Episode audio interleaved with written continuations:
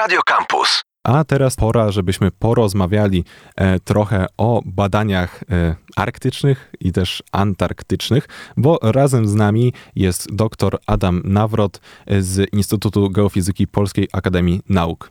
Dzień dobry, cześć. Dzień dobry, cześć. E, I tak jak powiedziałem, no właśnie, porozmawiamy o tych badaniach w tych niezwykle zimnych e, i odległych rejonach naszej planety. E, sam masz doświadczenie, no właśnie, w badaniach zarówno na dalekiej północy, na, chociażby na archipelagu Spitsbergen, ale też ostatnio uczestniczyłeś w wyprawie do polskiej stacji polarnej imienia Dobrowolskiego na Antarktydzie. Także no, kawał świata zmierzyłeś właśnie w, w celu tych badań. I tu rodzi się moje pierwsze pytanie, dlaczego w ogóle prowadzone są badania e, w Arktyce i, e, i na Antarktydzie? Bo skoro Polska znajduje się w środku Europy i normalny Polak, taki statystyczny, rzadko kiedy udaje się tak daleko na północ czy na południe, to dlaczego właśnie ponoszone są tak duże wysiłki, tak duże koszty, żeby prowadzić takie stacje badawcze i żeby prowadzić tam badania? Y, no tak, to, to, wielokrotnie spotkałem się z takim pytaniem. Y, przede wszystkim musimy cofnąć się do, do, do lat 30., y, a nawet wcześniej. Arktyka, Antarktyda zawsze pociągały ludzi, były, były czymś ciekawym, odległym, takim ekstremalnym i, i, i to też była taka pewna niewiadoma, czy co tam jest, jak, jak tam żyć.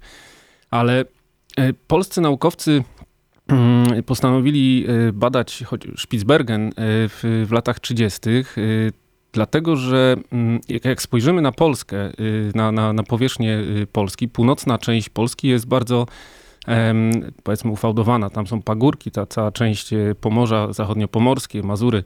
E, później tutaj koło Warszawy mamy bardzo płaski teren i dopiero później góry. To, to wszystko jest efekt lądolodu, który kilkanaście tysięcy lat temu E, no, kilka, kilka e, zlodowaceń, było 3-4, e, zależy jak, jak liczymy. I naukowców, najpierw geografów, fizyków, interesowały procesy, które, które doprowadziły do ukształtowania się tego terenu.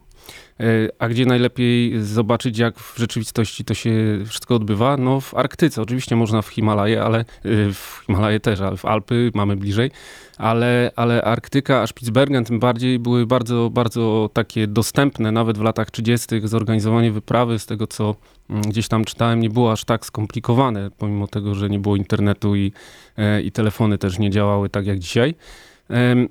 To pierwsza rzecz, ciekawość. Ciekawość tego, co, co się dzieje dzisiaj. E, działo się też w przeszłości, więc można było to e, gdzieś sobie zacząć układać w głowie te procesy, które tutaj kształtowały naszą, nasz kraj, ale też, też inne obszary. Mm, druga rzecz to Arktyka, zarówno Arktyka, jak i Antarktyda to są obszary, które mm, można nazwać takim naturalnym laboratorium, w którym możemy badać różne E, procesy właśnie chociażby na styku faz. Y, y, mamy wodę, mamy śnieg, mamy lód, mamy parę wodną. Y, mikrobiolodzy wykorzystują e, Arktykę do badania chociażby tego, co się dzieje na, na styku wody słonej i słodkiej na przedpolach lodowców. Klimat właściwie w tej chwili Arktyka jest jednym z naj, naj, najbardziej, najszybciej zmieniających się obszarów na naszej kuli ziemskiej. To wszystko sprawia, że, że ta ciekawość ty, tych pytań jest tak dużo, że, e, że, że tam się po prostu jeździ i robi badania. No nie będę ukrywał, że posiadanie stacji e, naukowych, prowadzenie badań zarówno w Arktyce, jak i na Antarktydzie i w Antarktyce, to zaraz y, jeszcze wyjaśnię o co chodzi, sprawia, że Polska jest w takim klubie trochę ekskluzywnych krajów, które, które, mm, które no, badają, są w tych rejonach. Może nie rościmy sobie pretensji terytorialnych, ale, no, ale jesteśmy widziani, jesteśmy w różnych gremiach y, międzynarodowych, możemy zabierać głos e, i mamy też y, niejako wpływ na to, co się tam e, dzieje. Skoro mówimy o tych e, rejonach, takich jak chociażby Spitsbergen albo e, takich Antarktyda, no to Spitsbergen właśnie z tego co wiem jest nawet e, teoretycznie jest taką częścią Norwegii, ale posiada taki specjalny swój status, który no, ułatwia, żeby prowadzić tam badania niezależnie od tego, znaczy jest chyba grupa państw, które podpisały tak. tam odpowiednie dokumenty prawne już właśnie chyba w latach dwudziestych. Tak? W 25 roku, 1925 powstał traktat szpicbergeński i, i to podpisało kilka państw później Polska w 30 bodajże pierwszym roku 1931 dołączyła do, do tego grupy państw. W tej chwili jest znacznie więcej, ponad 30, no, przepraszam, nie pamiętam dokładnie ile. Traktat Spitsbergeński mówi o tym, że Spitsbergen jest niejako należy do Norwegii, ale, ale jest, jest zarządzany przez Norwegię w ten sposób. Mm, natomiast y, państwa, które podpisały traktat, mogą prowadzić badania, mogą wydobywać złoża, jeżeli y, przestrzegają lokalnego prawa. Y, ludzie, mieszkańcy mogą tam jeździć, mieszkać, pracować i po prostu jest to taki teren międzynarodowy, można by tak w skrócie powiedzieć. I teraz, skoro powiedzieliśmy już e, o tym, że te badania e, są dość ekskluzywne, to chyba warto powiedzieć, e, ile istnieje polskich stacji badawczych w tych rejonach podbiegunowych, bo istnieje ich całkiem sporo i niektóre też są ponownie teraz no, reaktywowane, tak? Tak, to znaczy na Spitsbergenie mamy jedną całoroczną stację, polską stację polarną Hornsund w, w fiordzie Hornsund. E, prowadzona jest przez Instytut Geofizyki Polskiej Akademii Nauk. Jest to stacja na południu Spitsbergenu, e, która pracuje przez cały rok. Tam jest e, ekipa, która wymienia się raz do roku. Są ludzie specjaliści z różnych dziedzin, geofizycy, meteorolodzy, mechanik, jest informatyk, są, mm, są też chemicy, którzy prowadzą, czy, czy no, hydrochemicy, którzy prowadzą badania środowiska. I na Spitsbergenie, ponieważ Spitsbergen jest takim miejscem niby w, położonym daleko w Arktyce, bo ponad 77 stopniem szerokości geograficznej jest bardzo wysoko. E, natomiast, y, natomiast jest stosunkowo łatwo dostępny e, i, i klimat nie jest aż tak srogi, jak można by się spodziewać.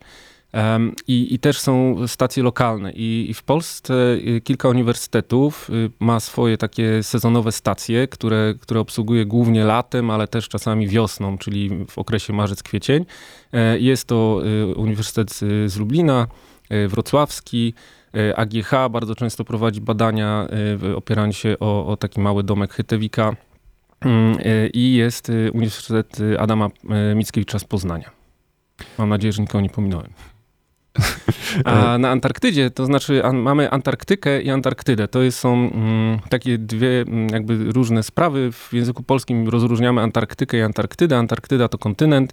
Antarktyka to mm, tak w skrócie wody, które oblewają kontynent Antarktydy y, wraz z wyspami, z całym lodem, y, który, tym morskim, który się tworzy do pewnej granicy, tak zwanej y, granicy konwergencji, czyli tam bardzo szybko obniża się temperatura wody. E, I tam mamy całoroczną stację y, imienia Arctowskiego. Jest to stacja na Szetlandach Południowych, y, która y, działa od lat 70. Horson działa od, właściwie założony był w 58 roku na Spitsbergenie, później też od lat 70., 77, 8 jedna i druga stacja zaczęły prace całoroczne. E, a w, w, tym roku, właściwie w tym roku, w, w styczniu, lutym, reaktywowaliśmy stację na Antarktydzie, na kontynencie e, imienia e, Dobrowolskiego i Antoniego Bolesława Dobrowolskiego. I to jest stacja położona, jakbyśmy spojrzeli na mapę, na wschodniej Antarktydzie, czyli od strony Australii.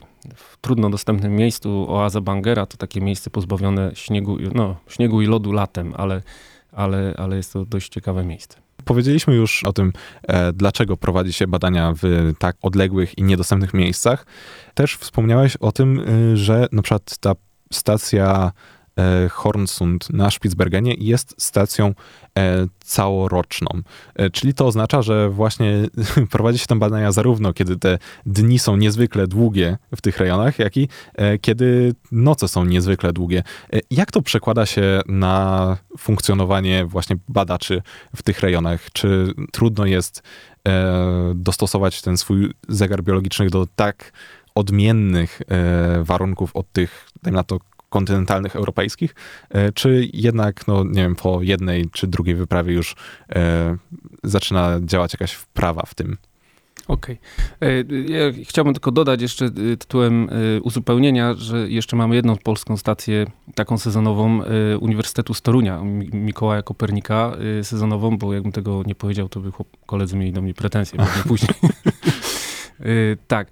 Mm, jeśli chodzi o Horsund, to Horsund jako stacja prowadzi tak zwany monitoring. To nie są badania. Różnica polega na tym, że w badaniach postawiamy sobie jakieś pytanie naukowe, problem, który chcemy rozwiązać i te, i te badania trwają na podstawie, no piszemy projekt i e, jeżeli uda się zdobyć finansowanie, realizujemy E, i, i te obserwacje, badania trwają rok, dwa, trzy, cztery, w zależności jaki to jest projekt. Natomiast monitoring trwa przez wiele, wiele lat i są zbierane dane e, z różnych, no na przykład meteorologiczne, na przykład jak się zmienia chemizm wody albo śniegu w, w opadach i na podstawie takiej długiej serii obserwacyjnej można zobaczyć, co co się zmienia w przyrodzie, co się zmienia i, i, wtedy zacząć zadawać pytania i można dostrzec um, jakieś, jakieś e, ciekawe sytuacje, które na przykład w atmosferze występują.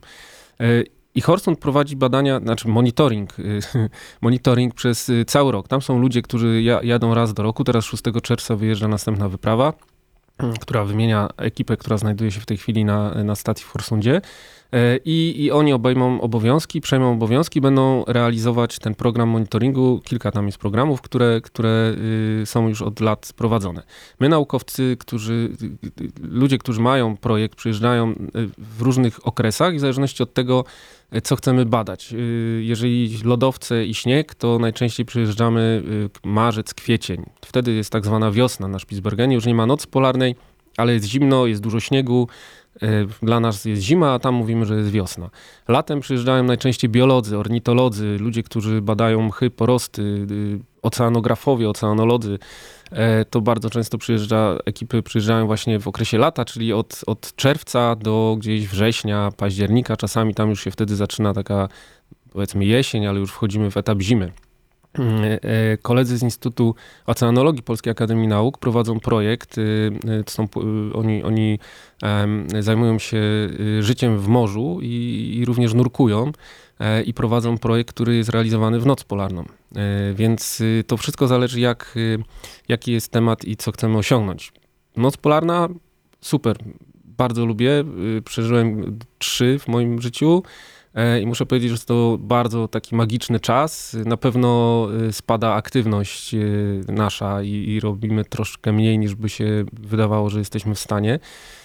Natomiast lato polarne to jest okres, kiedy można pracować, zwłaszcza jak ktoś jest pierwszy raz i nie umie sobie poradzić z emocjami i z własnym organizmem, można pracować po 24, 5, 6 godzin fizycznie, aż po prostu się nie, nie padnie ze zmęczenia.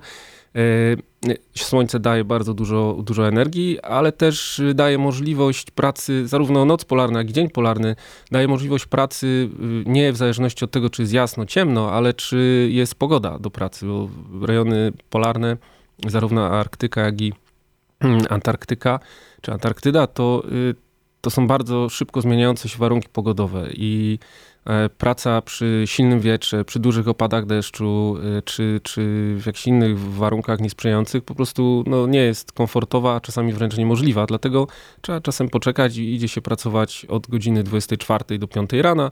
Inni wstają, żeby robić swoje, wykonywać swoje obowiązki, a my idziemy spać. I tak to mniej więcej wygląda. Szczerze mówiąc, nie wiem, co mnie bardziej przeraża, czy to pracowanie właśnie przez ponad 24 godziny w ciągu doby, e, dlatego że cały czas świeci słońce, czy jednak e, nurkowanie w oceanie w trakcie nocy polarnej, tak daleko na północy. E, no, na pewno to muszą być ekstremalne e, przeżycia, ekstremalne, no i wyjątkowe też e, no, doznania, powiedzmy. E, chciałbym się spytać właśnie w sumie teraz o to, jakie osoby udają się w takim razie na wyprawę? Bo no, z jednej strony są to właśnie badacze, którzy, e, którzy prowadzą no, jakieś projekty, jakieś badania, e, no ale z tego co wiem, to nie tylko takie osoby potrzebne są do funkcjonowania takich stacji. Kto jeszcze może, może na przykład mieć taką nadzieję, że wybierze się kiedyś w taką wyprawę właśnie, dajmy na to, na, do stacji Hornsund? No, y, zarówno Horsund, jak i Arctowski y, prowadzą y, w ciągu roku, w, określonych, w określonym czasie prowadzą nabory na, na tak zwanych zimowników.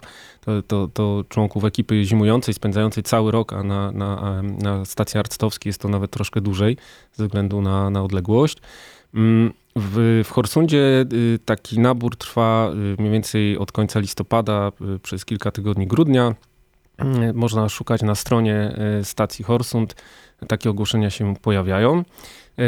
Tak, no kogo szuka, no na stację muszą pojechać osoby, które przede wszystkim znają się na tym, co, co mają wykonywać, czyli albo, albo są e, fizykami z wykształcenia, albo są mechanikami, ale niekoniecznie muszą być z wykształcenia, muszą mieć wiedzę i muszą mieć pasję i, pokazać nam, że potrafią pewne rzeczy zrobić. To może być osoba, która jest totalnie kimś innym z wykształcenia, a, a po prostu zajmuje się y, hobbystycznie pewnymi rzeczami i ma bardzo dużą wiedzę i, i, i takie osoby, które mają dużo różnych umiejętności są najbardziej poszukiwane. E, samowystarczalne, osoby, które są niekonfliktowe lub potrafią sobie y, radzić z konfliktami.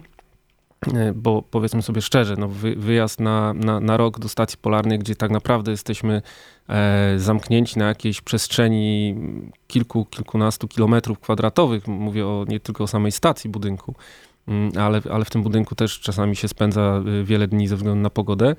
Mm, no, wybór takich osób, no to jest zawsze problem. To tak jakbyśmy chcieli z własnej rodziny, z przyjaciół wybrać 10 osób, z nimi się zamknąć na rok na działce gdzieś y, poza miastem i na pewno byśmy y, gdzieś prędzej czy później się pokłócili o coś. Więc to tak, to, to, to, to, to przede wszystkim ludzie, którzy mają dystans do siebie i do, do, do świata powinni na coś takiego aplikować. A na projekty naukowe jeżdżą mm, specjaliści, którzy mają wykonać konkretne zadanie. Często są zabierani studenci, doktoranci, czasami osoby spoza świata nauki, ale, ale które, e, które mają wiedzę, dysponują wiedzą, którą można wykorzystać do badań. Techniczni e, nurkowie, czy, czy jacyś e, czy osoby, które, które potrafią wykonywać odwierty głębokie i tak dalej, i tak dalej. To, to, trzeba szukać. Czasami, czasami e, są ogłoszenia, e, że, że potrzebujemy ludzi. I właśnie tak to mniej więcej wygląda w dużym skrócie, jeśli chodzi o e, prowadzenie badań na e, stacjach no, polarnych, stacjach arktycznych. E, o nich opowiadał nam e, dr e, Adam Nawrot z Instytutu Geofizyki Polskiej Akademii Nauk. Myślę, że w przyszłości jeszcze na pewno wrócimy do tematyki e, badań, no właśnie badań polarnych, bo jest to temat no, bardzo szeroki, niczym sama Antarktyda, dajmy na to. Serdecznie dziękuję za tą rozmowę i za dziękuję tą dawkę wiedzy. Dziękuję bardzo za zaproszenie i za rozmowę.